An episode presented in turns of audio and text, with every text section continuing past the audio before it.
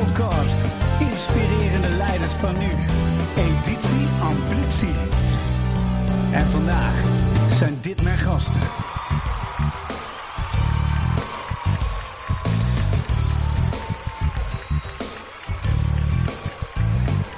Ja, editie Amplitie. Uh, inspirerende leiders van nu. En uh, welkom allemaal. Kijk, het publiek gaat gewoon door. Want die zijn heel blij dat jullie er zijn. Ik ook trouwens. In de, de mooie studio in Eindhoven. En uh, zo hoort het ook. want we heten jullie van harte welkom. in de studio zitten we met... Arnoud Strijbis. Arnoud Strijbis en... Lex Kersenmakers. Lex Kersenmakers, welkom. Uh, fijn dat jullie er zijn. Ik heb me heel erg verheugd op jullie komst. Uh, mooie leiders, want we hebben natuurlijk een voorgesprek al gehad. Uh, inspirerende leiders van nu. Het doel van de podcast is zorgen dat we meer rolmodellen in beeld brengen. Uh, die qua leiderschap en inspiratie kunnen zijn voor jou als mens of voor jou als leider. Zodat je kan leren hoe je dat in je eigen organisatie ook een beetje kan vermeerderen. Hoort bij de gedachte van amplitie. Voor de mensen die denken van amplitie, politie. Nee, amplitie. En dat gaan jullie vaker horen, want het is namelijk iets wat hoort bij deze tijd. We leven namelijk in een hele snelle tijd waar alles verbonden is met elkaar, waarbij de problemen ook heel complex zijn. Dat zorgt voor heel veel onzekerheid bij mensen. En uh, de snelheid waarin dat gaat, gaat zo snel dat heel veel mensen dat ook niet bij kunnen houden. En het vergt een andere skill voor leiders. Het vergt een andere skill voor organisatie en ook als mens. Want je moet namelijk wendbaarder en flexibeler worden. En je moet ook iets meer gaan luisteren naar wat andere mensen te vertellen hebben. En niet, daar hadden we het in het begingesprek over, niet aannemen dat je jezelf alles weet. Juist omdraaien. Leer eens van de ander. Daarom daar listen to learn en learn to listen. Dat is toch wel een mooi thema voor de podcast. Amplitie betekent dat je eigenlijk de, het functioneren, het werkgeluk en de zingeving en de doelkracht van mensen in je organisaties gewoon dagelijks vergroot. En dat doe je door te focussen op talentmanagement, op uh, vitaliteit, bevlogenheid, workdesign en het juiste leadership. En daarvoor zitten ze hier. Want de vraag is, hoe doe je dat dan? Dat is de, cruciale vraag. En daar ga ik met deze twee gasten op in. Uh, even kort, Lex, uh, stel jezelf eens voor aan de mensen. Wie ben je en wat, wat doe je? Lex Kersenmakers. Ik heb uh, 39 jaar bij Volvo gewerkt, internationaal de laatste jaren in, uh, in Zweden. Van die, uh, van die 39 jaar heb ik 17 jaar in de raad van bestuur gezeten. En ook in die, in die hoedanigheid uh, in, in, in Europa gewerkt, in, in Amerika gewerkt. Dus ik ben een echte Volvo personenauto's man. En ja, heb dus altijd internationaal gewerkt en, en in, verschillende, in verschillende culturen. Ja, ja want je, je vertelde ook dat je, je hebt heel veel gereisd. Ja. Reizen hoeft nu iets minder voor Nou even, ik, ja, ik ben nu net teruggetreden sinds, uh, sinds een half jaartje. We zijn weer terug, met mijn vrouw en ik zijn weer terug in uh, mijn geboortestad, Eindhoven. Ja. In het mooie Brabant. Ja. En uh, ja, je bent natuurlijk veel onderweg. Als je in een internationale organisatie werkt, dan, ja, dan, dan, dan ontmoet je veel mensen. Dan ga je naar veel landen toe. Dus ik vind het nu even heerlijk om uh, bijvoorbeeld hier op de fiets naartoe te komen. Ja, dat is heerlijk, ja. Hometown. Ja. Dat is ja, geweldig. Ja. Hey, en uh, je vertelde in de intro ook dat jij iets met de auto's hebt. Hè? Dus je hebt letterlijk iets met auto's, want je doet het voor je hobby, doe je het ook. Uh. Ja, ik ben echt een auto, een, een, een autojongen, hoe je het ook zegt. ik heb, bij Volvo heb ik me ook heel, heel lang bezig gehouden met de productstrategie. Uh, ik heb altijd een beetje gezworven tussen hoofdkantoor en, en de markt. Dus ik ben commercieel en, en, en, en, en technisch. En heb het ook altijd afgewisseld omdat ik het gewoon leuk vind. Maar ja, auto's is toch nog wel een beetje mijn, uh, mijn passie. Dus ja, we zijn nu met, met, met twee andere vrienden zijn we oude auto's aan het restaureren. Een klein halletje met wat gereedschap. En daar restaureren we alle oude auto's. Van alles, maar met name Italiaanse auto's. Dus daar ben ik een beetje afgeweken van. Uh, het is Alfa, van, ja, Alfa Romeo. Want je hebt. Volvo, heb je, maar je hebt ook Alfa Romeo, begreep ik. Hè? Ja, ja, ja. En uh, wat, wat, voor, voor, voor Alfa Romeo's doe je dan? De Bertone of zo? Ja, of? we hebben, ik heb, we hebben, toevallig zijn we net klaar met een, uh, met een GTV, met een Bertone. GTV. We hebben Spiders, we hebben een Alfa Romeo Montreal gerestaureerd. Maar we gaan ook wel nadenken over een Volvo P1800 of iets Ah, dergelijks. Dus we staan wel open voor andere dingen, maar die anderen zijn ook zeer geïnteresseerd in Alfa. En ik heb al, Alfa altijd een heel interessant merk gevonden. Ja. Hoeveel ik ook uh, van Volvo houdt. Ja, ja het, het heeft iets ouders. Ja, ik ben een keer in het Verlauwman Museum en daar hadden ze enorm veel Alfa Romeo's staan oude. Maar ik, ik, ik, hou ook van oud. Ik vind het fascinerend, het hele verhaal erachter en hoe dat ontstaan is en de historie.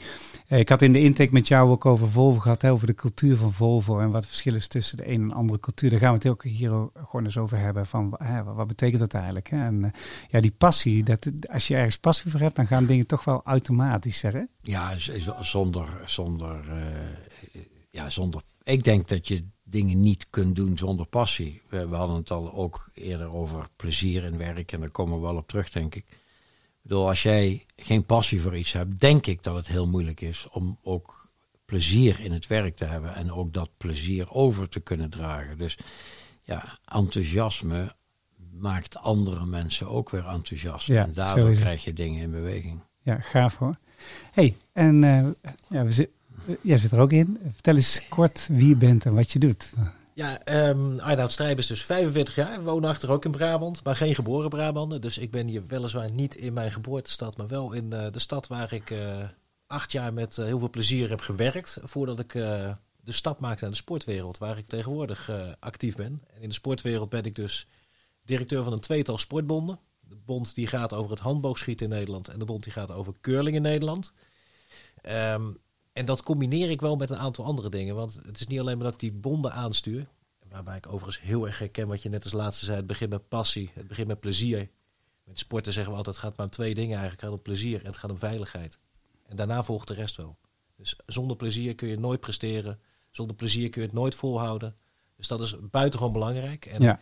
nou goed, mensen die sporten hebben vaak ook een passie voor sport. Terwijl natuurlijk ook wel eens mensen zijn die, die hebben het als moedje. Die slepen zich elke week weer naar de sportschool. Nou goed, dat, dat merk je ook dat mensen het vaak niet volhouden. Dus dat is ook uh, heel herkenbaar. Maar ik heb acht jaar in Eindhoven gewerkt, onder andere als woordvoerder van de burgemeester. Eindhoven van heel veel verschillende kanten mogen ervaren, mogen zien. En tegenwoordig in de sportwereld als directeur van twee sportbonden. Waarbij mijn belangrijkste taak is om mensen met plezier te laten sporten. Veilig te kunnen laten sporten. Die passie voor sport over te brengen. Um, en de andere kant ik ben ook internationaal sportbestuurder. En dat kom je in een hele andere wereld. En dat is een buitengewoon boeiende wereld. Omdat, um, en, en goed, het werd net ook al gezegd, van de, elke plek in de wereld heeft zijn eigen charmes en ze heeft zijn eigen eigenaardigheden. Maar ik vind het gewoon buitengewoon boeiend in die internationale sportwereld ook om te zien hoe een Zuid-Europeaan hele andere dingen belangrijk vindt. Maar uiteindelijk bindt, dan zeker in de handboogsport als voorbeeld dan, die boog en die pijlen binden elkaar. En dat is juist zo mooi. Dat is altijd een verbinding. En ik zoek altijd naar verbinding tussen mensen. Wat ik ook doe, of het nou in mijn werk is of in mijn privéleven, altijd op zoek naar verbinding om mensen bij elkaar te brengen. Nou, laten, we, laten we daar eens mee beginnen met die verbinding. Want uh, jullie hebben een Guilty Pleasure Song. Daar beginnen we de podcast mee. We gaan gewoon naar de eerste werkvorm. En uh, jij had als, uh, als song had je Beautiful Day van YouTube. Laten we eens een stukje luisteren voor de mensen die hem niet kennen. En voor de mensen die wel kennen, heel veel plezier. en vertel daarna eens, wat, wat heb je met die song en waarom?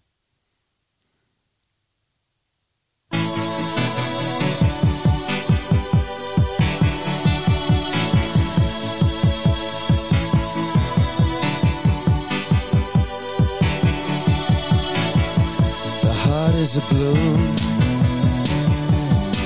Shoots up through the stony ground. There's no room. No space to rent in this town. You're out of luck. And the reason that you had to care The traffic is stuck. And you're not moving anywhere. You thought you'd found take you out of this place. Someone you can lend a hand in return for grace. It's a beautiful day.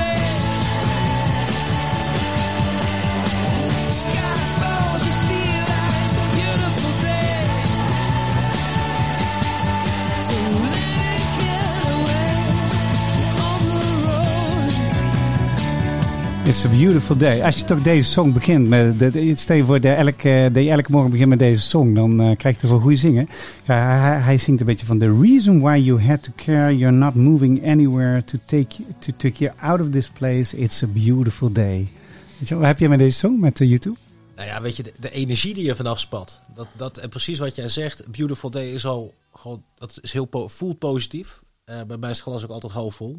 Um, uh, en ik probeer altijd alles van de positieve kant, kant, te bekijken. En dit is voor mij echt energie. En dan kom ik natuurlijk ook weer terug dat ik denk van... Mijn broer die was helemaal gek van YouTube. Dus elke keer thuis knalde YouTube weer door de speakers heen thuis. En ik kom echt uit een warm nest. Dus dat is ook een goede herinnering. Maar dan denk ik ook dat ik de keer dat ik met mijn vrouw in Dublin was... en dat we YouTube hebben gezien in Dublin, de hometown van YouTube. En dat zijn mooie herinneringen waar ik dan ook aan terugdenk. Ja. Maar ook het gevoel van probeer er elke dag iets van te maken. Uh, probeer elke dag positieve kant te bekijken. Um, um, zoek de kansen, vind de kansen. En daar is dit een, een, nummer van waar ik aan moest denken toen mij de vraag werd gesteld van ja, wat is nou een, een song die favoriet is. En ik heb voor veel meer momenten heb ik ook nog een heleboel andere favoriete songs. Maar dit is wel degene die bij mij naar boven kwam op dat moment. Ja. Ja, dus, dus die memory die is heel belangrijk. Hè? Dus creëren van mooie momenten met mensen die je leuk vindt. Want je hebt het over je broer en je vrouw. Ja. Dus dat is heel erg belangrijk. Die verbinding zoeken. En het zoeken en vinden van kansen. En dat, dan vanuit dat perspectief elke dag iets van proberen te maken. Ja. Hey, en, en, jij komt uit het uh, Westland. Hè? Dus uh, ik, ik zit zat steeds te graven. Waar zit hij dan? Zit hij Lis? Nee, nog, nog, nog zuidelijker, weet je wel. Maar wat heb je uit die... die wat was de mentaliteit van Westlanders? Wat, wat heb je meegekregen wat heel positief is voor wat je nu doet, zeg maar? Mouwen opstropen. Mouwen opstropen. Opstropen. Gewoon ja. uh, uh, echt een beetje niet lullen, maar poetsen. Aanpakken, mouwen opstropen. Uh, gewoon aan de slag gaan. Ehm, probeer creatief te zijn, ondernemend.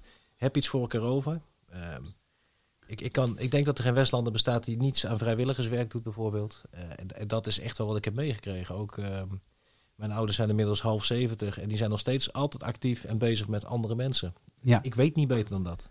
Ja. En dat zit ook, ja, weet je, uh, sommige mensen zeggen wel eens tegen mij, hoe hou je alles vol wat je aan het doen bent? Weet ik soms ook niet. Maar naast mijn werk doe ik dus internationale bestuursfuncties, maar ik ben ook voorzitter van een lokale voetbalclub. Ja. Dat ik dat, dat soort connecties vind ik heel belangrijk om echt iets voor anderen te kunnen doen ook. Ja, ja je connecties en echt iets doen veranderen. Maar ja, dat geeft natuurlijk een mooie flow. Hè? Ik heb ooit een keer gezien van mensen die in steden flow zitten, die, die zijn heel happy. En die zijn heel gefocust van nature. Dat kost ook helemaal geen moeite. Dat is moeiteloosheid. Maar dat komt omdat de challenge is hoog. Maar hun uh, abiliteit die ze hebben is ook hoog. Ja, en daardoor kost het geen energie. Ja, en toch, toch als ik dan naar, wel eens naar mezelf kijk, iets meer focus hebben op de dingen die ik doe, zou me wel eens wat verder helpen. Oké, okay, dus nou, dat, uh, dat vind ik wel een mooi onderwerp voor straks. Daar kunnen we nog wel mooie tips gaan delen. hey, uh, we gaan eens even kijken naar jouw song, Lex. want welke song is de voor jou kondig hem eens aan. Ja, het uh, I, I, I Rather Go Blind. Ja, I Rather Go Blind. En van, is... uh, van Joe Bonamasse en uh, Beth Hart. Ja, een hele mooie song. Ik dacht van welke song is het? Maar als je hem hoort, dan, ken je hem. ja, je kent hem, je, je herkent hem. En ik, ik, ik, ik, ik ken, voor een paar jaar kende ik hem niet. Op een gegeven moment hoorde ik hem. Toen ging ik eens wat dieper induiken. Ik vond het zo'n krachtige song. Met name deze. Want die is opgenomen tijdens een live concert in Amsterdam in 2014. En, en sindsdien, sinds ik hem die song heb leren kennen, uh, ik luister er echt heel, heel regelmatig naar. Maar dan komen we daar nog even Ja, dan komen we terug. Ja, dat is goed. Laten we eens luisteren hoe die is.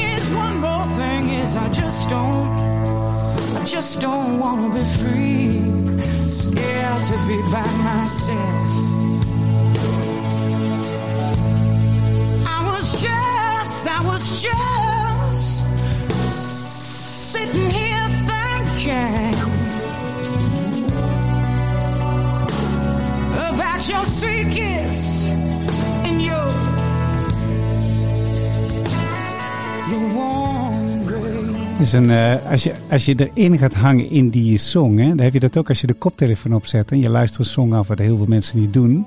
Dan ga je een song veel beter meekrijgen, de essentie van de song. En deze song duurt, hoe lang duurt die? Die duurt acht minuten. En, Hey, Bohemian Rhapsody. Ja, ja en, het, en, het, en het, het, het, het mooie is dat iedere keer komen er weer nieuwe. Want die Joe Bonamassa is natuurlijk een geweldige gitarist. Dus er Ja. komt straks een gitaarsolo. Dat, wordt, dat, is, dat, is, dat is zo ongelooflijk mooi. En die moet je inderdaad of met een koptelefoon... of wat ik vaak doe... In, we hebben natuurlijk hele goede auto's met hele goede muziekinstallaties erin. En als je dan alleen in de auto zit... En dat, dat zijn de momenten waarover je echt na kunt denken. Over hoe de dag was, hoe het leven is, hoe de toekomst eruit ziet.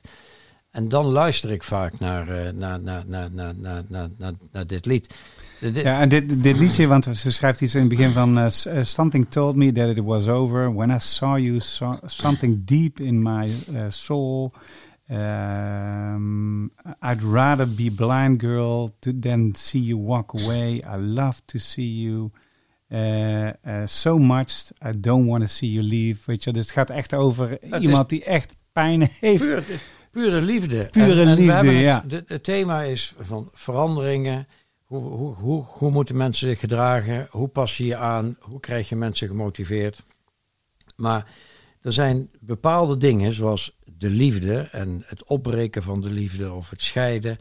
Dat blijft als een rode draad door iedereen's leven lopen. Dus ondanks al die veranderingen in de maatschappij, dit is een thema dat is van all times. En daarom vond ik het zo interessant ook voor, voor, voor, voor deze podcast. Ja, alles verandert, maar bepaalde dingen veranderen nooit. Nou, dat vind ik mooi gezegd. Ik, ik, ik, ik had tegen jullie ook gezegd, drie levensvragen van mensen. Aan het einde van je leven denk je alleen maar, ben ik authentiek mezelf geweest en heb ik gedaan wat ik wilde doen? Heb ik met talent gezien het verschil gemaakt voor anderen? En heb ik voldoende liefde gekregen en gegeven? Weet je, en dat zijn de essenties van het leven. En eh, eigenlijk zou je elke dag daar even kort aan moeten denken, weet je? Want dan, eh, dan creëer je een mooie lijn vaak, hè? Ja, ik denk dat je altijd zo dicht mogelijk bij de basis moet blijven. Bedoel, alles is al zo ongelooflijk gecompliceerd. En er komen constant nieuwe signalen. Heeft ook met authenticiteit te maken uiteraard. Maar als je altijd dichtbij blijft van waar jij voor staat... of van waar je voor wil staan... ja, dan kan er eigenlijk weinig fout gaan. En,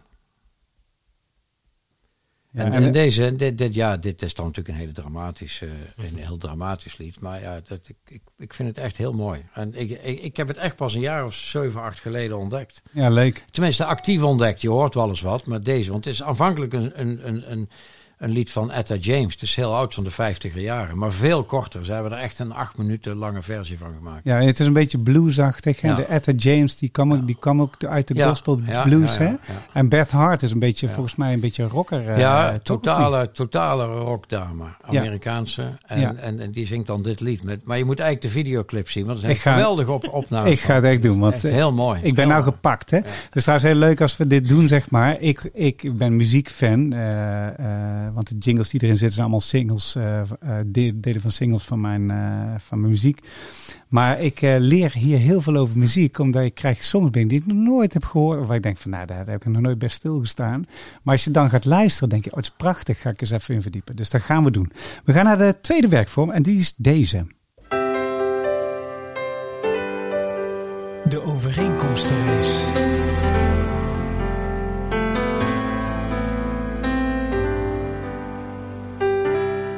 De overeenkomstenrace. Jullie krijgen drie minuten de tijd om uh, al brainstormend zoveel mogelijk overeenkomsten te vinden tussen jullie twee. Jullie kennen elkaar uh, niet. Ja, jullie hebben net elkaar even kort ontmoet.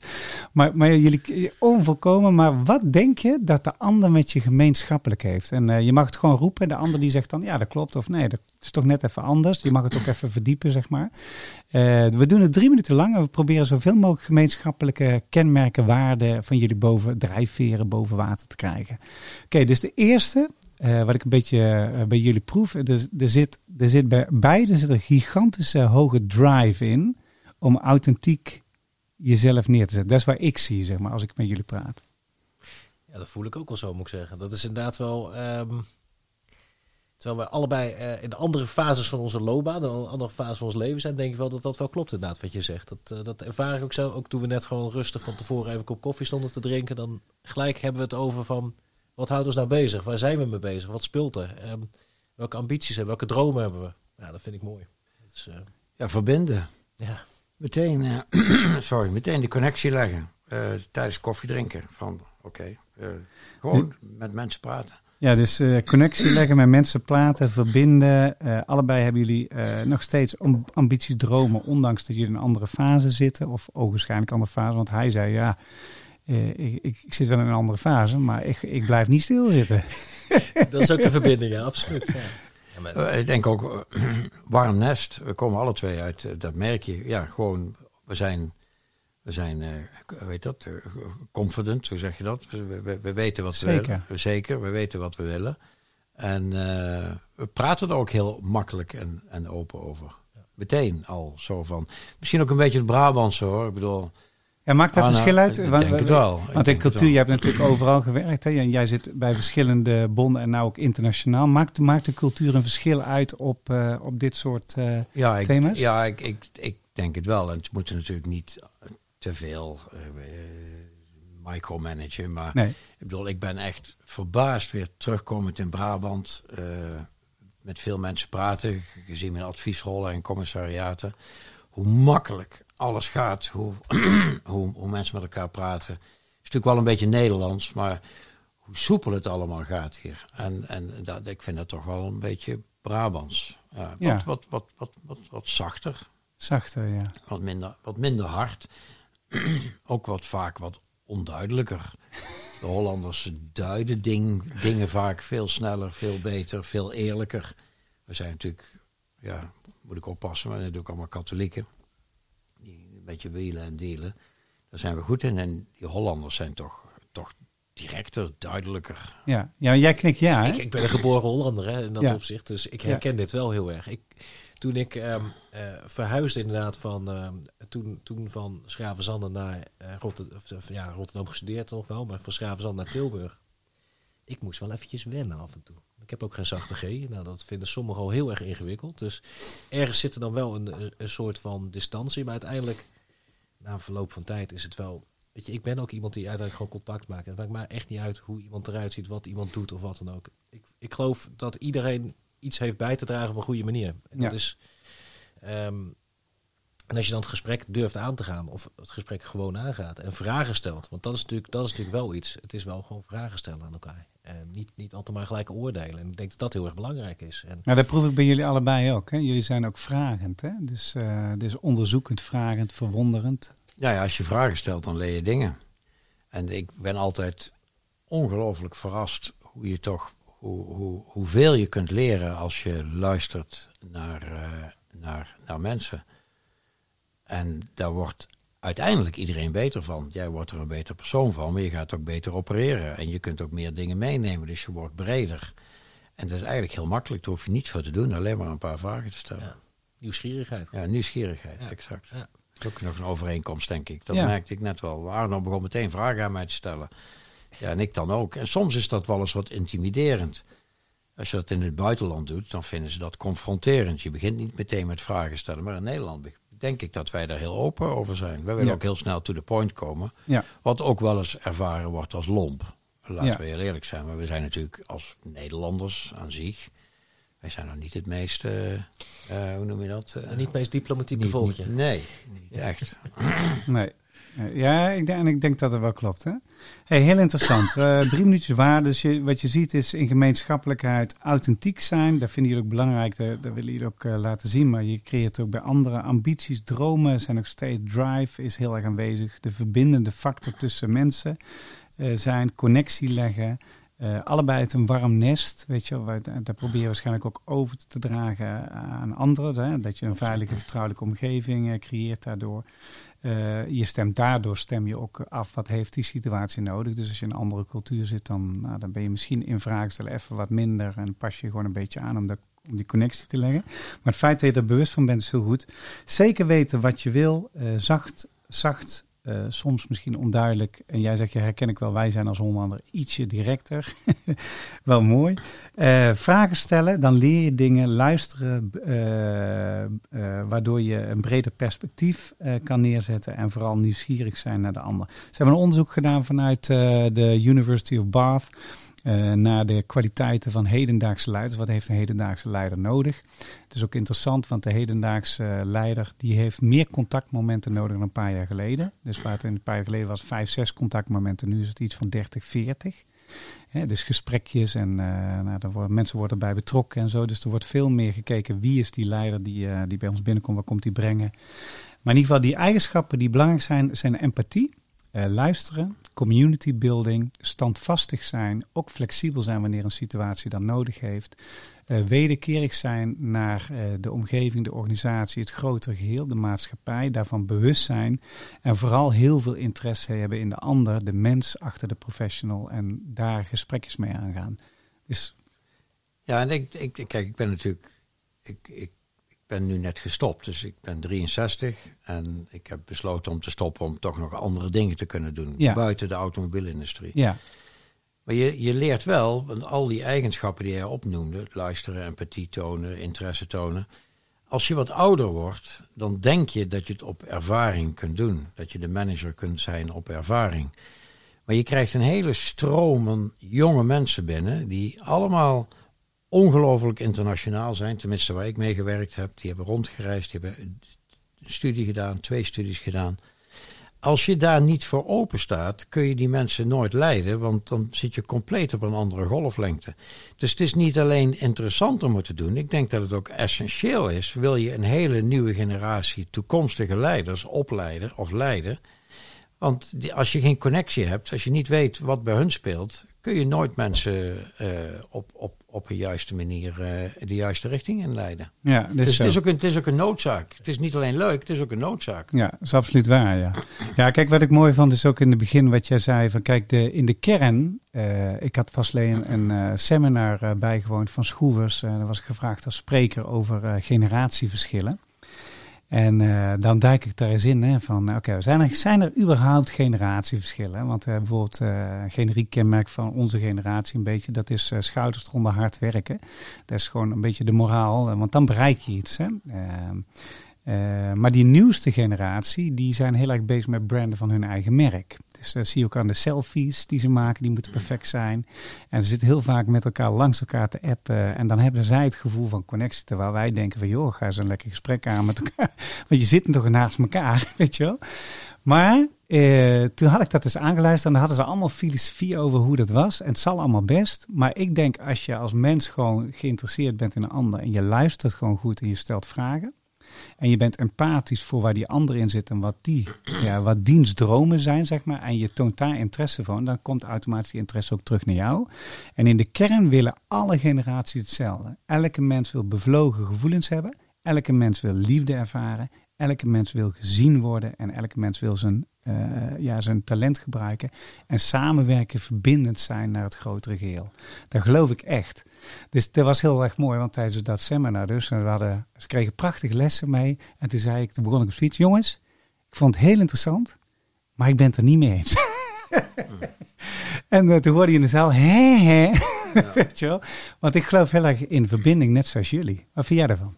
Nou ja, ik, ik geloof heel erg in verbinding. En ik, ik- wat, wat bij mij echt door mijn hoofd heen schiet, is ook inderdaad van de, de huidige generaties die van school afkomen, die willen over het algemeen inderdaad niet fulltime werken. Dat, Ja. dat, dat hoor, je, hoor je veel terug, dat zie je heel veel terug. En dat is in sommige beroepsgroepen is dat echt wel een ding. Van oké, hoe ga je dan de planning doen? De, de, de gewoonte van je, wordt, je bent fysiotherapeut, je gaat fulltime in de praktijk werken. Ja. En vervolgens ga je ergens een keer partner worden of wat dan ook. Dat is voor de huidige nieuwe generaties, is- of de nieuwe generaties, is dat niet de vanzelfsprekendheid die er vroeger altijd maar in zat. Ja. En, en, maar in de, in de sport kan dat eigenlijk niet. Hè? Dus het wil niet zeggen dat je continu moet knallen. Maar ik, heb, ik had pas alleen een keer gelezen over, volgens mij heette dat eh, die wieler, eh, eh, die wieler. Ik had een documentaire gezien over een wielerclub in Engeland. Omdat Engeland heel erg achterliep met wielrennen. Er was er een, iemand aan, aan ja, die was leider geworden. En die zei, als we nou gewoon eens gaan kijken waar we alles kunnen fine-tunen, minuscuul zeg maar. We gaan alle, op alles letten. Voeding, de, de lengte van de banden, Mhm. de, de zadels, Ja, ja. Alles werd onder, onder het grill genomen. En ze gingen constant elke dag stapjes zetten om vooruit te komen. Maar dat vergt natuurlijk heel veel werk. Uiteindelijk werden ze wereldkampioen en dat soort dingen. Maar, maar is, is het niet zo dat als je minder gaat doen, dat dat, dat eigenlijk niet kan? Het ligt eraan wat je minder doet. Kijk, uiteindelijk, neem, neem het topsportprogramma van het handboogschieten in Nederland. Ja, Natuurlijk hebben we een bondscoach. En natuurlijk moeten de, eh, de, de, onze sporters moeten vooral heel veel pijlen schieten. Want het is bewezen dat hoe meer pijlen je schiet, hoe beter je niveau kan vasthouden. ja, Dus je moet nog steeds gewoon heel veel pijlen schieten in de week. elke dag. Elke dag. Ja, Maar tegenwoordig is het belang van goede voeding, je noemde het al, is heel belangrijk. Want als je de verkeerde voeding neemt, gaat je concentratiepeil omlaag en dergelijke. En als je 72 pijlen kwalificatie moet schieten op de Olympische Spelen, dan is het wel belangrijk dat jouw concentratie goed blijft, dat je mentale kant goed blijft. Dus voeding is heel belangrijk. Krachttraining, maar wel de goede krachttraining. Want als je je, je bovenarm te veel gaat trainen, zit die in de weg. Dus je moet vooral zorgen dat je schouderpartij, je borstpartij en je core gewoon goed is. oh jezus hè. Dus dat is een hele specifieke vorm van krachttraining die erachter zit. Wij hebben ook een haptonoom in het programma. Waarom? In de handboogsport is gewoon echt een heel mentaal spelletje. Dus je kunt veel beter, in plaats van een, een drillcoach erbij hebben, gewoon echt een haptonoom erbij hebben die ook heel erg kijkt naar het welzijn. Want als het mentale spelletje tussen je oren gaat zitten, dan ga je inderdaad uiteindelijk vaker een 9 schieten dan een 10. Ja. Zo werkt het gewoon. Dus het mentale aspect is heel erg belangrijk. Dus je kunt wel zeggen van je moet maar door, door, door. Zo werkt het ook in de topsport niet. Het is uiteindelijk heel gericht kijken naar een opbouw in een seizoen. Je kijkt gericht naar wel, wat zijn de belangrijke momenten. Je kijkt gericht naar wie matcht er goed bij elkaar. Want als het bijvoorbeeld een teamwedstrijd. Het is echt niet altijd zo van zet nummer 1, 2 en 3 met hoogste scores achter elkaar. En dat is het beste team. Want eh, als je drie langzame schutters hebt, dan red je het bijvoorbeeld in de tijd al niet. Als je een schutter hebt die heel goed individueel kan schieten, maar echt heel slecht is in coaching van hoe gaat de wind, hoe is de regen, wat zijn de omstandigheden, dan is dat niet van voordeel op de anderen. En dat zijn allemaal de kleine details die het allemaal heel erg belangrijk maken in zo'n topsportprogramma. Dus En is dat in, want die relatie is dus in werk volgens jou dus ook, hè? Dus, eh, eh, want kijk, we zitten natuurlijk in een maatschappij waar iedereen, en misschien is dat wel hetgeen wat, wat de jongere generatie denkt van, god, ze heel dat bulken en dat rammen op resultaten en dat ga ik niet doen. Weet je wel, ik moet ook nog een beetje toekomen aan mezelf. dat vind ik heel verstandig. Is dat- is dat dan misschien een uiting daarvan? dat- ja, dat, want ik maak er ook wel eens grapjes over eh, tegen die jongeren. Maar als je dan wat dieper erin gaat. Kijk, toen ik 4, 25 was en net begon, dan gingen wij naar kantoor. We moesten nog intikken. En wij bleven op kantoor totdat of de baas weg was, Ja, of we konden weer eruit omdat we onze acht uur vol hadden. De huidige generatie die zegt tegen mij: Lex, als, een, als het even niks te doen is, dan ga ik naar huis, ga ik andere dingen doen. De week daarna is het heel druk. Werken ze zonder enig probleem 80 uur in de week. Dus die, die denken, wij- die, die komen uit een andere richting waar ze veel meer gewend zijn, ook tijdens school en tijdens studie, om hun eigen tijd in te, de- te delen. De- Heel veel zelfwerkzaamheid, waar je zelf je verantwoording meeneemt. En dat nemen ze nu mee naar het bedrijfsleven. En dan kan het inderdaad zijn dat ze om twee uur weglopen, want ze hebben hun taak gedaan en ze zijn de volgende dag weer terug. En wij, de oude generatie, denkt dan van, ja, maar hoezo? Vrije middag, wat, wat gaan we doen? Maar wij bleven zitten terwijl Ja. we niks te doen hadden. Zij gaan naar huis. Dat is het grote verschil. Dat, dat is inderdaad de flexibiliteit die gewoon heel hard nodig is. En ik zeg ook, ik heb gewoon, ik heb ook een collega die heeft ook kinderen op school zitten. Ja, gewoon, die brengt eerst vaak zijn kinderen weg, dan is die iets later binnen. Dat doet ook iets met de focus, denk ik. Hè? Dus, want dan eh, hoef je Ja. daar niet meer druk over te maken. Dus dat Precies, worden- precies dat soort dingen. Ja, ik, had, ik las gisteren een artikel van Rutger Breeman van eh, De meeste mensen deugen. Die schrijver, volgens mij heet Breeman. Of, of Rechtman. Brechtman, ja. Ru- Rutger Brechtman, ja. En eh, die, die schreef dat in, in de maatschappij is 25% van de werkende bevolking is met echt een zinloze baan bezig. Dus, dus werkelijk wat geen waarde toevoegt aan zichzelf, de omgeving, de organisatie. En hij zegt van eh, mensen moeten in deze tijd eh, anders met tijd omgaan, maar ook anders met de ambitie. Want dit is een, een tijd met complexe problemen. Dus je moet eigenlijk afvragen, hoe kan ik als mens, als team, organisatie echt impact maken elke dag? Wat moeten we dan anders doen? Weet je, en als je ergens zinloos mee bezig bent, moet je er direct mee stoppen. Dat was eigenlijk zijn advies. En, uh, en wij moeten er ook scherp op zijn om mensen daarheen te begeleiden. Weet je wel? Dus dat variabel met tijd omgaan en zeggen van ja, als jij je kinderen schoon moet brengen en daarna kun je beter focussen, ja, doe het vooral. Exact. Ja, oké, gaan we daar door naar de volgende. Uh, superleuk jongens. Ik leer jullie echt goed kennen. We gaan eens even naar deze uh, werkvorm toe. Ook een leuke werkvorm. Dat is namelijk... That's alright. I'm gonna take you higher. That's alright. I'm gonna take you higher. Your story.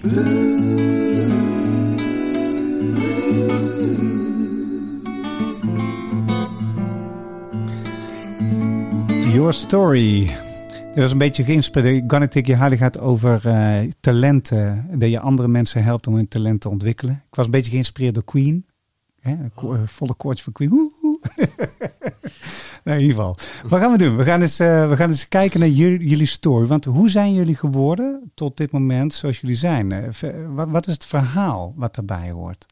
Wie willen beginnen? Oh, wat is het verhaal? Ja, ja wat, wat is een verhaal wat op op deze zegt van nou, als ik nou kijk naar mijn ja, mens zijn en leiderschap op dit moment, nou, dan is dat toch wel een eikpunt geworden in mijn leven om uh, ja, die richting op te gaan. Nou, er zijn, er zijn natuurlijk meerdere momenten, maar ik, ik, laat, ik het, laat ik het twee noemen. Eén is een moment in 2008. En op dat moment was ik Volvo zeer dankbaar. Want ik was de laatste in de file. En er klapte een auto vol achterop. Zonder te remmen. En je had een Volvo? En ik had een Volvo. En dat was maar goed ook dat ik een Volvo had. Want die had een goede kreukelzone en dergelijke. Lek zit hier ja te knikken. Ja, dus, dus, dus, nog een overeenkomst. Nee, maar dat, dat was... Ik heb het ook geluk gehad dat er een kleinere auto achterop klapte. Maar Oh, mijn ja. auto was van achter anderhalve meter korter en van voren ook. Oh, ja, maar- oh jee. Ehm, en ik ben zelf uit die auto gestapt. En ik stond daar tegen de vangrail aan op de middenberm. En, en die ambulancebroeder die er heel snel bij was, dat- die reed, de ambulance reed er vlak achter, die heeft het zien gebeuren zelfs. Die, die zei, meneer, eh, wat is uw auto? Ik zeg, ja, dat is mijn auto, die Volvo. En hij zegt van, ja, maar dat kan helemaal niet. Je kunt nooit uit die auto zijn gekomen. Ik zeg, ja, dat kan wel. En het was zelfs zo dat mijn stoel was afgebroken door die klap. Want echt, eh, zo hard was die klap geweest, maar ik kon er links ook niet uit. ben er rechts uitge, uitgeklauterd. Maar dat was wel een moment van, eh, en ik heb nou, ben inderdaad op mijn plank afgevoerd. Ik heb nog steeds last van mijn nek. Whiplash patiënt ben ik sindsdien. Is heel goed mee te leven. In het begin kon ik niet eens een, een, een lampje verwisselen in het plafond. Tegenwoordig kan ik bijna alles gewoon doen. Maar dat is wel een moment geweest dat ik ben gaan beseffen, oké, wacht even. En toen was ik dus, ja, ik was 29, 30. Het is wel een moment geweest dat ik dacht van, oké, wacht even. Dat, toen heb ik wel mijn beperking op dat moment leren kennen. Eh, dat is daarna nog wel verder gevoed, want ik ben in de, eind 2015, begin 2016 heb ik een paar maanden thuis gezeten omdat ik gewoon op was. Ik had me toch laten verleiden om veel te veel te gaan doen wat niet inderdaad dicht bij mezelf stond. En daarna heb ik de keuze gemaakt, en toen uiteraard wat sneller stappen, want anders kunnen we er uren over doorpraten. Maar daarna heb ik de keuze gemaakt om niet meer in een ambtelijke organisatie te willen werken, want toen werkte ik bij de gemeente Eindhoven. Maar echt in een functie te gaan werken waar ik zelf meer aan het stuur kan zitten, dat ik zelf meer de leiding kan nemen, dat ik zelf eh, impact kan maken, eh, het gevoel erbij kan brengen om mensen verder te brengen. En vooral dat het niet alleen maar, en nou doe ik het iets gechargeerd, want eh, daarmee doe ik iedereen bij de overheid tekort, dat het niet is vooral papier verplaatsen, maar vooral echt kijken van hoe kun je nou echt concreet dingen beter maken voor mensen. Ja. En dat heb ik week in de sportwereld gaan doen. En ik had nog nooit met een, pijl, met een boog geschoten voordat ik directeur van, de, van toen het Nederlandse Handboogbond werd. Maar dat zijn wel twee momenten die voor mij heel erg mijn bewustzijn zijn geweest van dat, dat ja, je fysiek kan beperkingen hebben. Maar goed, dat heeft er misschien maar tegelijkertijd. Ik doe alles tegenwoordig. Ik kan alles. ehm, eh, en ik heb echt een hele bewuste keuze daarna gemaakt. En nu zit ik weer in zo'n fase dat ik denk van ja, hoe ga ik dat weer verder invullen? Ja, mooi. Mooi. Ja, indrukwekkend verhaal. En Volvo, eh het is niet voor niks dat jullie naast elkaar zitten dan. Nee, dat is to- to- toeval bestaat niet. Toeval, eh, en ik ben blij, ja, ja dan, dan doet je het toch goed. Want eh, ja, uiteindelijk doe je het daarvoor. eh, als je voor een merk werkt. Eh, Je kan niet, ik denk dat we sinds een jaar of tien ook sexy auto's maken. Wat, wat, die er wat beter uitzien dan, dan misschien vroeger. Maar dat is ook een kwestie van de tijd. In, in de, die auto's plaats je in een bepaalde tijd. Ja, zeker. Maar uiteindelijk ja, wil je toch mensen op de meest veilige manier van A naar B doen. En daar doen wij het voor. Daar doen we het echt voor. Dat zit zo diep in, in de DNA van het, van het bedrijf. Dat wordt nooit in vragen gesteld. Ja, mooi zeg. Ja, moment, belangrijk, maar ik vind het altijd heel moeilijk. Want ik ben redelijk nuchter. Dus ik, ik, ik stap van fase in fase. Maar ik heb ooit eens een keer... Maar, maar dat kan ook een story zijn, hè? Ja, dat is ook. Maar ik Dus- heb ooit, toen ik, toen ik, toen ik, toen ik eh, vroeg, vroeg in mijn carrière, heb ik ooit naar een, naar een documentaire zitten kijken over Frans Zwartouw van Fokker. En hoe En- heet hij, Frans? Frans Zwartouw. Dat was toen de tijd de CEO van Fokker. En die heeft toen eigenlijk Fokker begeleid naar het faillissement. Of daarna zijn ze failliet gegaan. en dat was een typisch alfamannetje. Past tegenwoordig überhaupt niet meer. Maar wat mij toen al intrigeerde, en ik was een jaar of 27, was hij, hoe hij alles eigenlijk constant terugbracht tot de essentie van, van, van het zaken doen. Eh, verbinden, aanpassen aan de wereld. Eh, zorgen dat je altijd geld verdient, wat je ook doet. In, in een half uur legde hij eigenlijk de hele essentie op een totaal eenvoudige manier. Want volgens mij, in mijn beleving, was het gewoon een normale verkoper die vliegtuigen verkocht, die heel veel geld waard, wa- waard waren toen.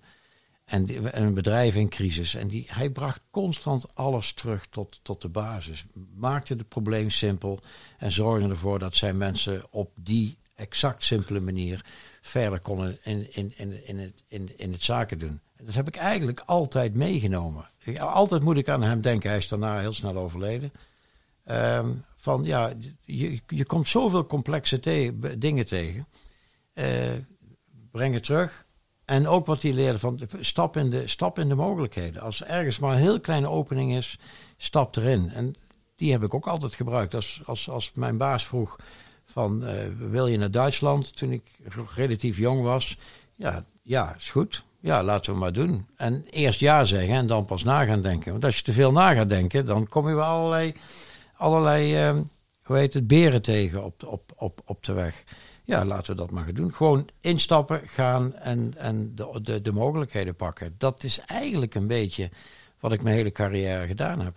Ja, gaaf hoor, gaaf. En die, eh, ja, en die dat instappen in de mogelijkheden en meer in de doelkracht zetten, dat, dat is absoluut een feit. Want dan, eh, ik heb ooit een keer een documentaire gezien van Richard Branson, die zei, ik maak meer fouten in een dag dan mensen in een jaar.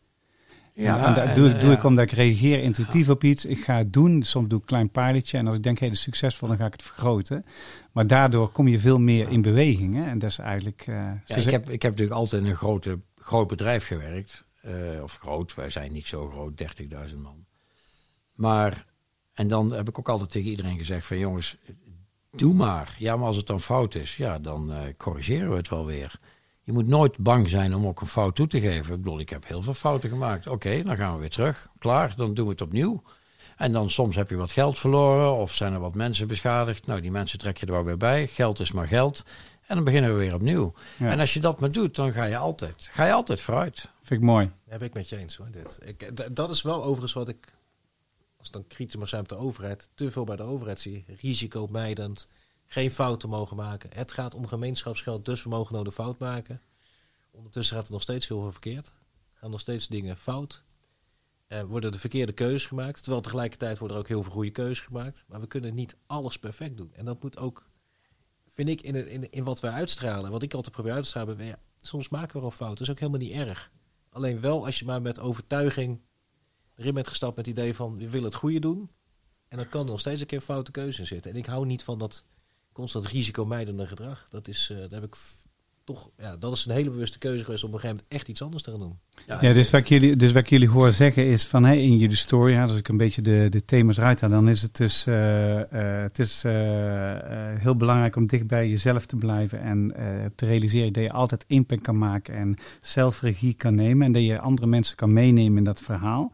En anderzijds, ja, toeval bestaat niet. Als kansen langskomen, dan moet je kijken of je ze kan verzilveren. Eh, zeg gewoon ja en ga, ga in beweging, want dan kom je nog eens ergens. Hè. Dan gebeurt er iets. Eh, het is wel belangrijk eh, om bij de essentie te blijven, want je beweegt eigenlijk van fase naar fase. Wij hebben zo'n principe, dat noemen we ideal principe. Daar probeer ik mensen al te leren. Dan zeg ik van, weet je, het leven is gewoon allemaal routines gewoontes. Hoe je opstaat, hoe je je vrouw begroet, hoe je kinderen wegbrengt, hoe je naar je werk gaat, hoe je in vergaderingen gaat. Is omdat ons brein reageert gewoon op veiligheid. Die gaat, de, neemt maar meestal de gemakkelijke route, want die is in ieder geval veilig. Maar af en toe moet je er gewoon uitstappen en moet je in beweging gaan. Dus als iets niet werkt, is het gewoon niet waar. Of nog niet waar, of niet langer waar. Maar je moet in beweging gaan, want het leven is niet statisch, weet je wel. Dus uh, zorg er dan voor dat je het terug kan brengen naar essentie. En bij ons staat ideal dan voor de positieve intentie in beeld brengen. Design dan je oplossing daarvoor. Ga dan terug naar de essentie en maak het simpel. Kom dan in actie en leer hoe het is gegaan. En eventueel, als het even kan, fine-tune een beetje en stuur bij. Ja, oh, oké. Klinkt logisch. Heel goed. Gaan we nou door naar de volgende. Vind je het leuk trouwens? Ja, ik vind het heel leuk. Ja, oké. Zo komen we nog eens ergens hè, met, met werkvorm. Het is hartstikke leuk. Oké, ehm, ik ga nou door naar de volgende en dat is uh, deze. Collectieve brainstorm. Hoe kom je tot de beste oplossingen voor thema's die nu leven?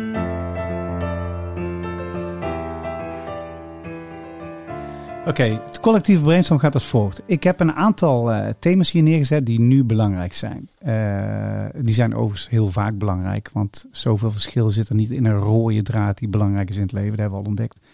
Maar ik noem maar zo wat dingen op. En misschien dan zeg je van nou, ik vind er niks bij zitten, maar ik wil wel eens even een thema inbrengen. En dan mag dat ook. En wat we dan gaan doen is, wat zijn de beste manieren om dat tot leven te wekken? Dat is mijn vraag aan jullie. Dus ik heb even als voorbeeld uh, talentgericht leiderschap activeren een vitale organisatie krijgen, samen met als organisatie, mens en team tot het beste resultaat komen, focus houden op wat belangrijk is, een goede balans vinden tussen feminine en masculine energie in mens zijn leiderschap. Hoe houd je mensen bereid, bevlogen, betrokken?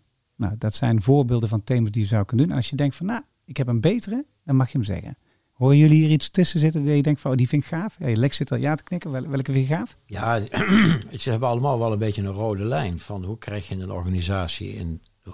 Hoe haal je het beste uit de individu en hoe zorg je ervoor dat de, de, de, de verschillende individuen op de beste manier gebruik, uh, hoe heet dat? Uh, dat ze het best gebruik maken van de talenten in een, in een grote organisatie. Dat is wat ik er een beetje uit lees. Ja, oké. is dat correct? Is dat, ik weet niet of dat correct is, maar ja, ik ben opgegroeid. Zal ik even. Zal ik, ja, ja. ik ben opgegroeid in een, in een Zweedse cultuur. En uh, tenminste, ik ben in, in, in, in 1988 echt begonnen voor een Zweedse organisatie. Ik ben eerst in Nederland begonnen, met, daarna met de Zweden. En daar is alles zeer non-hierarchisch. En eh, mijn, mijn, mijn grootste schok was toen in 1988. Wij zeiden nog meneer en mevrouw tegen de bazen. En iedereen in Zweden noemde de baas al bij de voornaam. Dat was al een dingetje waar ik van dacht van... Wat, wat is dit? Maar dat gaat heel diep. En even de, de hoofd... De, waarom een Zweedse organisatie, denk ik, goed werkt... ondanks alle... Uh, ja, pro's en cons die, die de Zweden met, met, met zich meebrengen, zoals ook wij Nederlanders, is dat daar zijn geen lagen. Daar zijn wel organisatielagen, maar als, als iemand diep in de organisatie uh, vindt dat ik als raad van bestuurlid iets verkeerd doe, dan komen ze naar mij toe in het restaurant, op de gang, in de koffiebar, waar dan ook. En dan beginnen ze tegen mij te praten. En dan zeggen ze van Lex, dit klopt niet. Want dit en dit en dit en dit is de reden. En wat, doet wat doet dat? Uh, ik vind dat ten, e-, ik vind het ongelooflijk inspirerend en ook leuk, want je, je hoort dingen zoals ze in de realiteit zijn. En daar zitten dan niet, zijn niet, uh, die zijn niet allemaal gewindow-dressed. Um, ja, en ik neem dat dan mee, want ik vind het ook weer heel spannend om dat dan mee te nemen en weer op, van, van, vanaf boven terug de organisatie in te sturen en eens vragen hoe het dan zit. Wat dat doet met een organisatie is dat je ten alle tijden, als je mensen ten alle tijden aanmoedigt om hun mening te zeggen, uiteraard op een gefundeerde manier, fatsoenlijke manier, fatsoenlijke manier, dan, dan, dan word je als organisatie veel sterker. En dat is ook hetzelfde als je iets nieuws, als je een strategie uitrolt.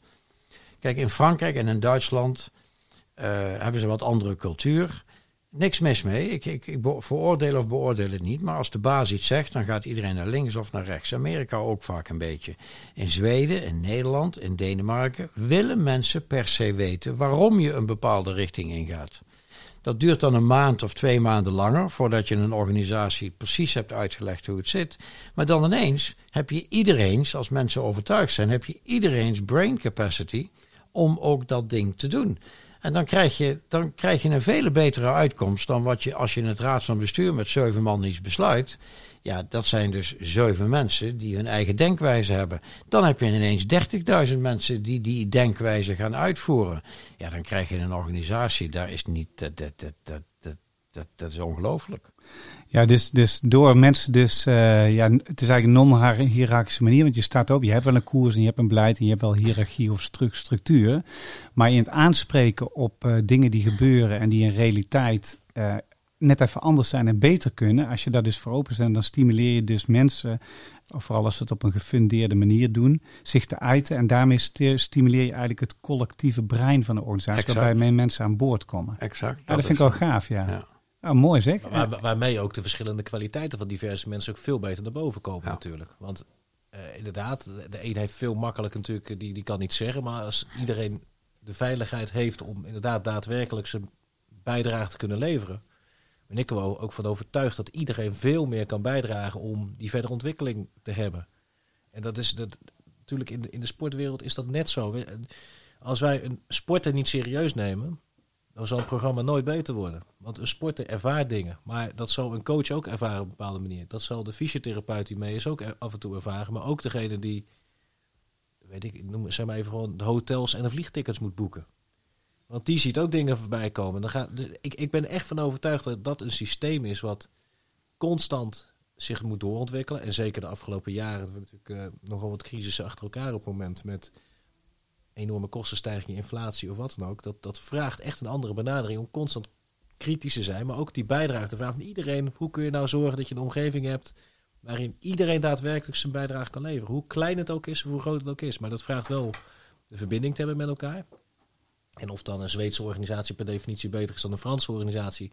Dat, daar gaat het volgens mij helemaal niet over. Want het is inderdaad, het is ook heel situationeel. Het type bedrijf, type, type achtergrond is denk ik ook heel erg belangrijk. Maar ik, ik, uiteindelijk wil je het beste bij iedereen naar boven halen. Ja, En, en ik, ik ben in ieder geval niet iemand die denkt van als ik het zeg is per definitie waar. ja. Sterker nog, ik vind het heel prettig als mijn collega's af en toe zeggen van joh, ehm, doe eens even normaal. Ja, ja dat, eh, dat is echt, eh, ik stimuleer altijd, ik vraag altijd als ik ergens binnen ben en we zitten aan het begin van een eh, gesprek, dan zeg ik van, doen jullie aan, ik heb drie dingen die ik even wil weten, doen jullie aan eh, 360 graden feedback forward geven aan jou als leider? Hm? Ja, dat mensen regelmatig gewoon zeggen hoe je bevalt. Ja, dan, dan, in de meeste gevallen doen ze dat niet. En dan zeg ik van, eh, doen jullie regelmatig van die feedbackrondes met het team, zeg maar. Dat je gewoon zegt van, hoe gaat, hoe gaat het eigenlijk met ons? En eh, wat, wat gaat goed, wat kan beter? En dan gewoon daar een beetje op bijsturen. Ah, ja, meestal ook niet. En dan, en, en dan vraag ik als laatste, hebben jullie eigenlijk de subthema's zoals talentontwikkeling, bevlogenheid, eh, samenwerking, het volwassen maken van je team, verbonden aan jullie eh, missie, visie, strategie? Nou, dat is ook een moeilijke. Weet je, en, maar die zijn wel belangrijk bij dit fundament, zeg maar, om dit te maken. Dus eh, dat zijn er. Hey, maar heel leuk. Dus dat stimuleren van de collectieve brain, capacity beschikbaar maken, het benutten van eh, talenten van, eh, en kwaliteiten van mensen, continu doorontwikkelen, eigenlijk dus ook continu om feedback blijven vragen. En van daaruit kun je eigenlijk, als je dat vanuit verbinding doet, kun je jezelf continu bekwamen. Ik vind dat mooi. En ik denk dat dat een hele mooie invulling is van hoe maak je het beste gebruik van mens en talent. Oké, gaan we naar de laatste oefening.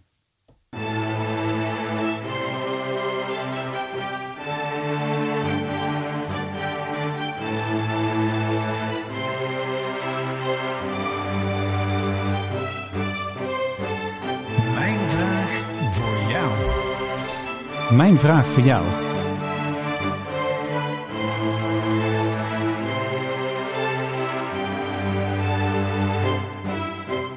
Dit was een hele foute hardrock song uit, jaar, eh, uit de jaren 90 heb ik gemaakt. Hard Headed Woman. Daar begon overigens onze podcast uh, mee. Want die heette in eerste instantie Plevierende Pauwvrouwen. Hard Headed Woman ging over feminine energie meer beschikbaar maken.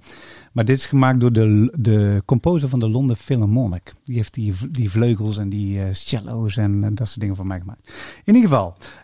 Um, ja, mijn vraag voor jou. We doen hem in twee deeltjes. eerst, wat zou je nog willen vertellen wat je nog niet hebt verteld? En het tweede is, welke vraag heb je voor de ander nog, waar je in geïnteresseerd bent? Wie wil er beginnen? Goh, we zitten allemaal hard.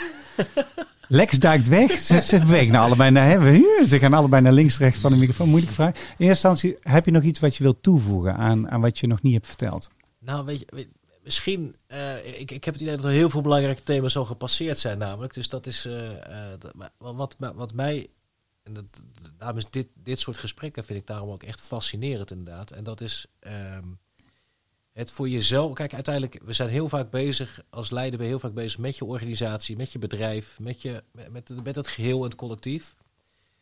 En toch vaak te weinig bezig met wat, wat is nou voor, uiteindelijk voor jezelf die vlam die, die, waardoor je actief blijft? Wat, wat is nou jezelf je ambitie? Wat is nou zelf uh, de verrijking die je kunt, kunt vinden en maken? En daar vervolgens ook echt daadwerkelijk de tijd voor nemen om dat te kunnen doen. En daarom was voor mij um, ja, eigenlijk gewoon heel simpel. Toen, toen, toen je de vraag stelde, zou je in deze podcast, uh, aan deze podcast willen meewerken, was voor mij heel duidelijk van ja, dat doe ik. Juist omdat dit ook voor mij echt weer een spiegel is en dat soort zaken. En ik probeer dat wel te doen. En natuurlijk heb ik uh, een vrouw en natuurlijk heb ik een paar vrienden die dat wel eens doen. Ik vind mijn kinderen nog steeds de meest fantastische spiegel die ik heb. Die zijn nu 12 en 13, maar lekker aan het puberen, zeg maar. Of beginnen met puberen. Fantastische spiegels, maar die spiegels moet je wel constant voor jezelf op elk moment pakken. Of het nou in welke rol het ook is, of het nou inderdaad is als uh, directeur, wat, waar ik uiteindelijk mijn boterham mee verdien, zeg maar. Of, of met vrijwillige banen in de internationale sportwereld of uh, lokaal. Dat is constant wat ik wel probeer te doen. En okay, dat is, uh, vind ik een mooie. Mooi tip. Heb je een vraag voor Lex? Misschien in het verlengde daarvan. Nou ja, weet je, uiteindelijk... Um, ik vind het mooi wat Lex vertelt in ieder geval. Dat hij een hele carrière binnen één bedrijf heeft gehad natuurlijk. Maar binnen dat bedrijf volgens mij ongelooflijk veel verschillende dingen heeft gedaan. En zichzelf constant ook heeft uitgedaagd, als ik het wel zo hoor, om dat te kunnen doen. Um, en, en dan ben ik wel benieuwd, wat was nou uiteindelijk voor jou het moment dat je echt zei... Joh, het is nu binnen dat bedrijf gewoon genoeg geweest. En nu is het tijd niet om te gaan reizen met mijn vrouw... maar om echt gewoon op een andere manier mezelf ook weer uit te dagen voor andere bedrijven. Ja, goede vraag. En, weet, Gaat hem niet beter kunnen stellen? Um, Um, de laatste jaar um, ging ik mij steeds meer. Nee, begon ik mij af te vragen van. Of steeds meer in mijn hoofd kwam de vraag op: ja, dat hebben we al een keer gedaan. En die heb ik nooit uh, echt ook uitgesproken. Want ik heb nergens zo'n hekel aan als die oudere mensen die dan zeggen. Maar op het moment dat je dat vaak, eh, die, vraag, die vraag vaak stelt, dan, uh, dan denk je van oké, ja, dat klopt. Maar dat wil niet zeggen dat we het niet weer moeten doen. Maar ben ik dan degene die dat nog een keer wil doen? Met dezelfde energie en passie die ik, waar ik dat de afgelopen jaren mee gedaan heb. En toen heb ik, me, toen heb ik eigenlijk besloten van uh, nee, ik denk dat iemand anders het moet overnemen. Gewoon het stokje moet overgedragen worden op de volgende generatie. Het gaat zo snel. En het was echt met moeite, want er gebeurt ongelooflijk veel in de automobielindustrie, waar ik echt heel erg enthousiast van raak.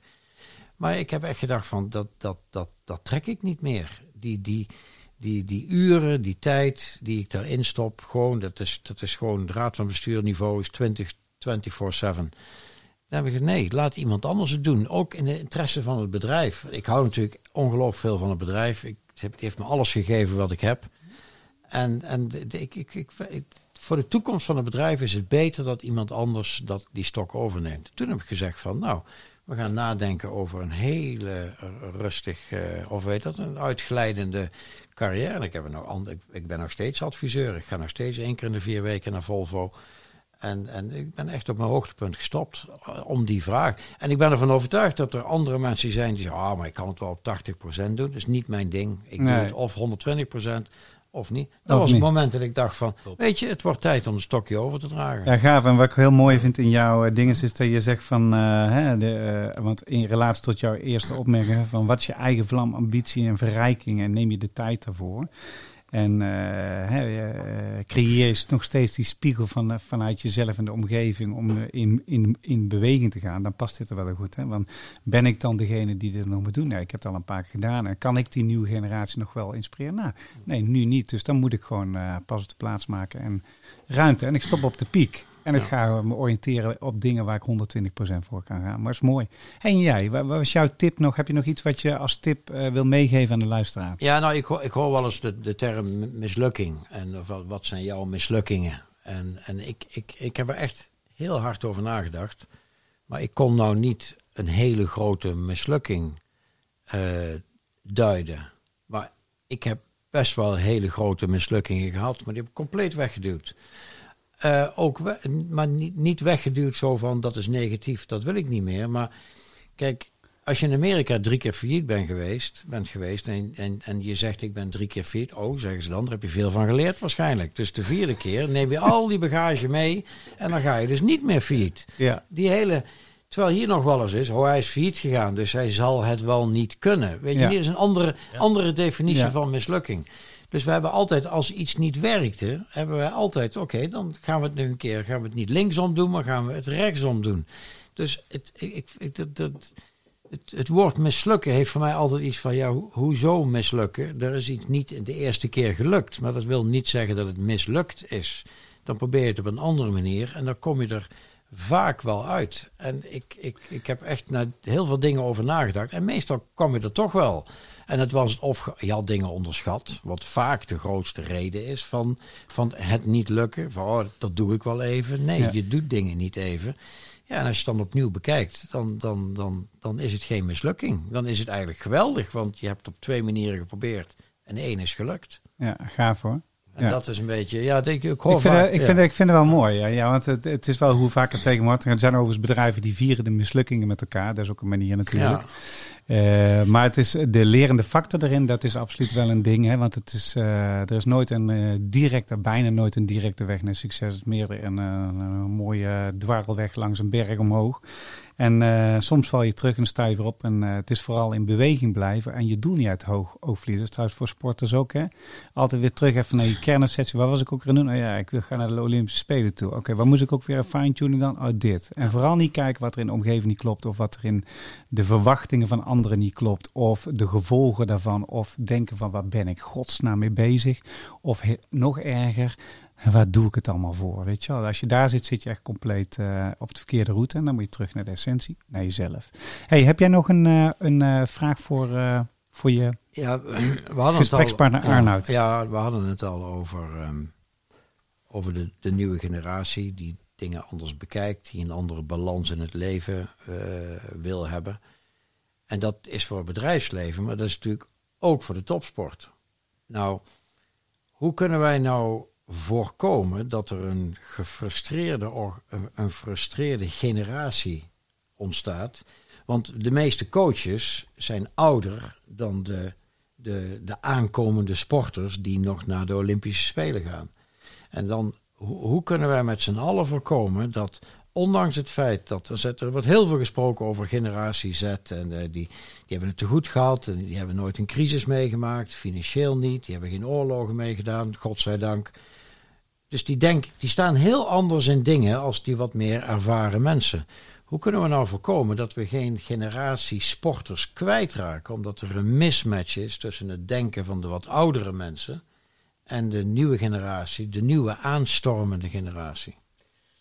Dat is een mooie vraag. Ja, dit, dit is iets wat ehm, op de agenda zeg maar, van, van NOC-NSF en sportbonden heel nadrukkelijk staat. Ze hebben, eh, vorige week is er nog een, ehm, ja, volgens mij het, het leiderschapsplatform XL ook geweest. Dat gaat juist over dit soort vraagstukken. Van hoe zorg je inderdaad dat je als coach je ook doorontwikkelt. Want het is minstens zo belangrijk dat die, die coach of die trainer van een topsporter zich doorontwikkelt met alle kennis en kunde die er tegenwoordig is. Tegenwoordig kun je veel met data, tegenwoordig kun je veel met voeding, tegenwoordig zijn er veel meer technieken, trainingstechnieken, waar je veel meer mee kunt doen. Ehm, videobeelden en gaan ze maar door. En tegelijkertijd is ook de, de mores in, in, in hoe iemand wil sporten. Uiteindelijk eh, spelen er ook veel meer dingen. Tegenwoordig, de laatste, laatste jaren is natuurlijk zeker, of laatste jaren, zeker laatste jaar is natuurlijk ook veel meer van het verhaal ook van hoe zorg je dat het ook op een veilige manier gebeurt. Hè? Dus niet die, die, die praktijken dat een coach echt iemand gewoon helemaal uithongert tot, tot nou, de extreme voorbeelden hebben natuurlijk allemaal gezien. Dat soort praktijken worden niet meer getolereerd. Maar tegelijkertijd wil je wel dat iemand volledige passie en volledige inzet heeft. Want zonder inzet kom je nooit ergens. Dus 100% inzet, misschien 120 zelfs. Dat mag en moet je altijd verwachten. Maar op de manier waarop je dat doet en met welke faciliteiten, dat is natuurlijk wel heel belangrijk. En uiteindelijk, een, een sporter moet zelf goed voor zijn materialen zorgen. Terwijl je natuurlijk ook vaak genoeg ziet dat de tas van een voetballer bijna gedragen wordt. Nou, dat zal in de handboogsport echt niet gebeuren. Iedereen draagt zijn eigen koffer. En dat is maar goed ook. Ze gaan ook gewoon zelf een, een, een lunch halen. En je kunt ze wel daarbij helpen. Dus het is ook echt... Het is constant de zoektocht tussen de regie die iemand, dus een sporter in dit geval, zelf heeft op zijn loopbaan en zijn ontwikkeling. En de regie die die coach heeft. Plus, hoe, kom je dat, hoe breng je dat elke keer bij elkaar? En daar horen dus ook veel meer, nou, we hebben het al genoemd, veel meer contactmomenten bij tegenwoordig. En niet alleen maar als een coach bij iemand is als er gesport wordt, maar juist ook gewoon af en toe eens even zitten van, en hoe voelt het nu? En hoe gaat het met je ouders? En hoe is het nou met, met, met, met je vriendin of met je vriend of wat dan ook? En hoe gaat het binnen het team? En ik denk dat die menselijke kant, uh, ik vind, uh, wordt, soms wordt dat de zachte kant genoemd. En dat vind ik volkomen onterecht, want voor mij gaat het gewoon echt om de menselijke kant. Die is veel nadrukkelijker tegenwoordig aanwezig. En dat vraagt dus ook voor coaches dat ze zich doorontwikkelen. En dan zie je dus soms ook dat er een coach afhaakt. Dat kan ook niet anders. Ja, ik zie de, ik vind, uh, ik zat pas alleen te kijken naar een documentaire over Rico Verhoeven en die coach en al heel lang bij elkaar. Dat vind ik echt de ultieme match tussen hoe zij, hè, want ze zijn vriendschappelijk met elkaar, maar ze gaan echt allebei 100% ook voor het hoogste resultaat en ja. al heel lang. Hè, dus dat is heel knap. En daar zie je dat ook terug. Dus de, de vriendschap en toch, uh, toch het goede uit de sport te halen. Soms moet je ook, weet je, voor de een, er zijn, er zijn coaches en sporters die kunnen zich doorontwikkelen als tandem of als groep. En ja. dan lukt dat wel. Ja. Kijk, kijk naar Atletico Madrid, naar Diego ja. Simeone is al twintig jaar trainer of zo daar inmiddels. Ja, ja, zeker ja. Maar je ziet natuurlijk ook gewoon coaches die op een gegeven moment gewoon niet meer het contact met een bepaalde groep hebben. Of dat de visie ontbreekt. En dan moet je toch durven zeggen, oké, dan houdt het hierop. Dan gaan we met iemand anders verder. Ja, super. hey jongens, dank jullie wel. Want kijk, als je kijkt naar uh, waar wij besproken hebben, we hebben een prachtige podcast gemaakt. Ik zit, while we're uh, talking, zat ik te denken, weet je, ik denk dat ik er gewoon misschien wel opknip in twee delen. Want het is zo interessant. We, we, hebben één uur en zes minuten gepraat. Maar er zit zo'n mooie diepgang in dat ik misschien ga ik dat doen, maar dan overleg ik nog even met jullie. In ieder geval, de kern van, van deze podcast is: het is super belangrijk om connectie te leggen. Het is super belangrijk om te luisteren en vragen te stellen aan de mensen om je heen. En vooral luisteren te, te, te luisteren naar het breder perspectief van waar willen we samen heen en hoe willen we dat uh, bereiken. Dat betekent dat je een holistischere kijk moet hebben op hoe je omgaat met mensen. Dat je de balans moet vinden en dat je je moet aanpassen op momenten dat andere mensen moeten pieken. Dat betekent ook dat je dicht bij jezelf moet blijven en dat je vooral de regie moet nemen en de regie moet stimuleren om werkelijk impact te maken op waar je samen naartoe maakt. Uiteindelijk bestaat toeval, die bestaat niet. Want het vertrekpunt is, waar doen we het voor? Uh, je beweegt altijd van fase naar fase. Uh, breng echt de dingen dan terug naar de essentie. Zorg dat het simpeler wordt om mee te bewegen. Stap in de mogelijkheden die, na, na, uh, ja, die je na wil volgen en wil realiseren of manifesteren. dat, dat vergt doekracht. Dat vergt ook dat je richting de mensen het collectieve brein van de organisatie moet activeren. En dat je de verschillende kwaliteiten en talenten van mensen naar voren moet brengen. Het betekent eigenlijk een continu doorbewegen van fase fase na fase. Waarbij eigenlijk de verbindende factor is toch nog steeds verbinding, de vlam, de ambitie, het verrijken van elkaar en het continu spiegelen zitten we op de goede let. Daar bestaan geen mislukkingen, daar bestaat alleen maar vooruit bewegen en zorgen dat je het goede perspectief maakt voor alles en iedereen. Dat is de essentie van deze podcast. Dank jullie wel. Vonden jullie het leuk? Zeker. Heel leuk. Heel leuk. Hey, dankjewel voor jullie komst. Uh, in de volgende podcast hebben we weer twee hele inspirerende leiders. Eentje die was werkzaam bij een, uh, ja, een online uh, learn, daar is zij CEO. de andere die is bezig met ja, de psychologische kant van mensenontwikkeling, ook heel prachtig. Dus we horen jullie graag de volgende keer ook weer op woensdag. Elke woensdag 7 uur gaat er een podcast live. En wil je meer weten over Arnold Strijber Of Lex, eh, eh, stuur me dan een mailtje via info.introspective.nl en zorg ervoor dat contact ontstaat. En eh dankjewel voor jullie komst. En laten we eens kijken of we de verbinding en de impact in de maatschappij nog meer kunnen verhogen. En we gaan eruit met een prachtige song. Dat is namelijk de song for the people, de collectieve.